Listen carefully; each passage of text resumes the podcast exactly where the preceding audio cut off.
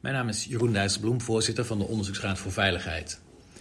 Vandaag publiceerde de Onderzoeksraad het onderzoek Veilige Vliegroutes, een vervolgonderzoek op het rapport Vliegen over conflictgebieden uit 2019. Het onderwerp Vliegen over conflictgebieden blijft zeer actueel. Kijk naar de recente escalatie van het conflict Gaza en Israël, waarbij grote aantallen raketten werden afgevuurd. Of de recente vliegtuigkaping boven Belarus, waarbij een Europees toestel werd gedwongen te landen.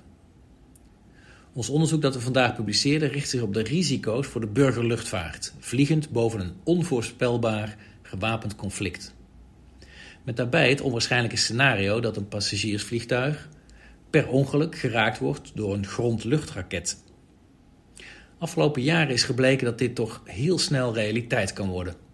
Het onwaarschijnlijke scenario dat een passagiersvliegtuig uit de lucht wordt neergehaald door een raket vanaf de grond gebeurde het afgelopen decennium tweemaal. We kunnen stellen dat tot aan de crash van MH17 in 2014 de risico's van vliegen over conflictgebieden voor de burgerluchtvaart niet voldoende werden onderkend. Tot die tijd ging men ervan uit dat wanneer een luchtruim was opengesteld, het ook daadwerkelijk veilig was om er te vliegen. Na de MH17 zijn er belangrijke stappen gezet om die risico's beter te begrijpen en te beheersen. In het rapport Vliegen over conflictgebieden uit 2019 constateerde de OVV dat de luchtvaartmaatschappijen zich meer bewust zijn van de risico's. Er wordt in internationaal verband gewerkt aan een verbetering van risicoanalyses door luchtvaartmaatschappijen en door landen. En er is een Europese risicoanalyse gekomen. Toen stortte begin vorig jaar, 8 januari, de vlucht PS-752 neer in Iran. De ontploffing van een grondluchtraket. Bij de crash verloren alle 176 inzittenden het leven. Hoewel Nederland geen directe betrokkenheid heeft bij deze crash of bij de vlucht, was het voor de onderzoeksraad toch reden om nogmaals te kijken naar de uitvoering van de aanbevelingen van het rapport MA17 en te kijken of er nog verdere verbeteringen mogelijk zijn. Mede op verzoek van de minister van Infrastructuur en Waterstaat, die haar verzoek aan ons richtte kort na de crash in Iran. Vandaar deze publicatie vandaag. Wat kwam er nu uit ons onderzoek naar voren en waar ligt ruimte voor verbetering?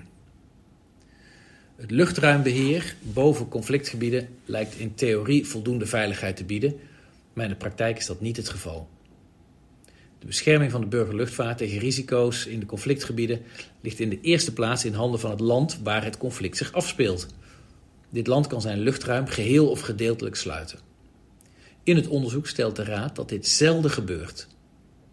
Ook Iran hield het luchtruim open toen in januari 2020 het conflict met de Verenigde Staten snel escaleerde. Op zich is het voor te stellen dat een land andere dingen aan zijn hoofd heeft op het moment dat het betrokken is bij een snel escalerend conflict. Toch ligt hier een belangrijke verantwoordelijkheid. In ons onderzoek zagen we dat ondanks dat er internationale afspraken zijn ontwikkeld sinds MH17, waarin staat dat landen hun luchtruim moeten sluiten bij een conflict, het niet duidelijk is wanneer de situatie zover is geëscaleerd dat sluiten ook echt noodzakelijk is. Er zijn geen criteria voor op welk moment een land nu zijn luchtruim moet sluiten. Om dit te verbeteren beveelt de onderzoeksraad aan om internationale criteria te ontwikkelen wanneer een land het lichtruim, zijn luchtruim zou moeten sluiten. Een aanbeveling die we ook al deden na de MH17, maar die nog niet is opgevolgd. Tegelijkertijd moeten de verwachtingen op dat punt, dat landen waar het conflict zich afspeelt hun verantwoordelijkheid nemen, niet te groot worden, uh, uh, worden opgevoerd. Naast het land waar het conflict zich afspeelt, hebben luchtvaartmaatschappijen een belangrijke eigen verantwoordelijkheid. Toen begin 2020 in Iran de spanningen toenamen, was dit voor luchtvaartmaatschappijen geen aanleiding om het luchtruim daar te mijden. Daardoor vlogen vliegtuigen over het gebied met een verhoogd risico vanaf het moment dat Iran raketten afvuurde op de Amerikaanse luchtmachtbasis in Irak. De luchtvaartmaatschappijen stopten niet met vliegen boven Iran, omdat uit hun risicoanalyses volgde dat het risico getroffen te worden door een grondluchtraket onwaarschijnlijk was. We weten ondertussen dat het onwaarschijnlijke scenario heel snel realiteit kan worden en dat dan de gevolgen catastrofaal kunnen zijn. De Raad stelt daarom dat alle mogelijke scenario's met catastrofale gevolgen meer gewicht moeten krijgen in de risicoafweging.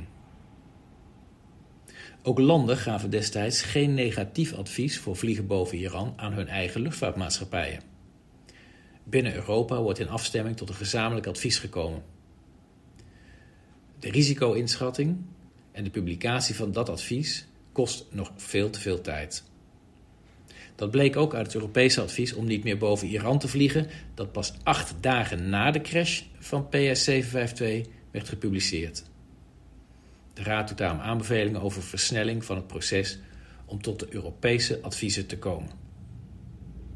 Daarnaast, los van de Europese afstemming en coördinatie, geeft de Raad de minister van Infrastructuur en Waterstaat en de minister van Justitie en Veiligheid nog een overweging mee. Sinds MH17 geven steeds meer landen hun luchtvaartmaatschappijen directe aanwijzingen om niet over bepaalde gebieden te vliegen.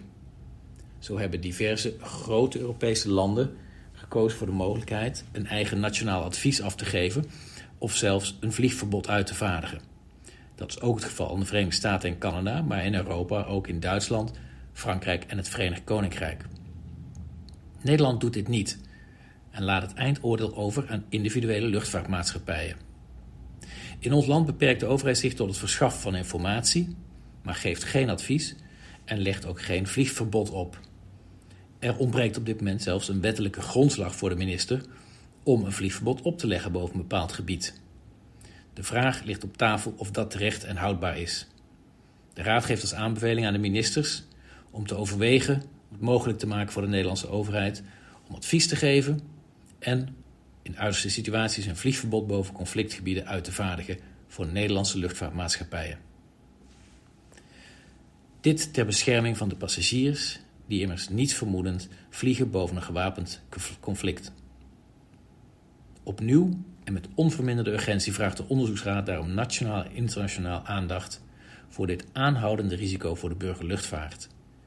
Er zijn nog steeds en opnieuw lessen te leren voor een veiliger luchtvaart.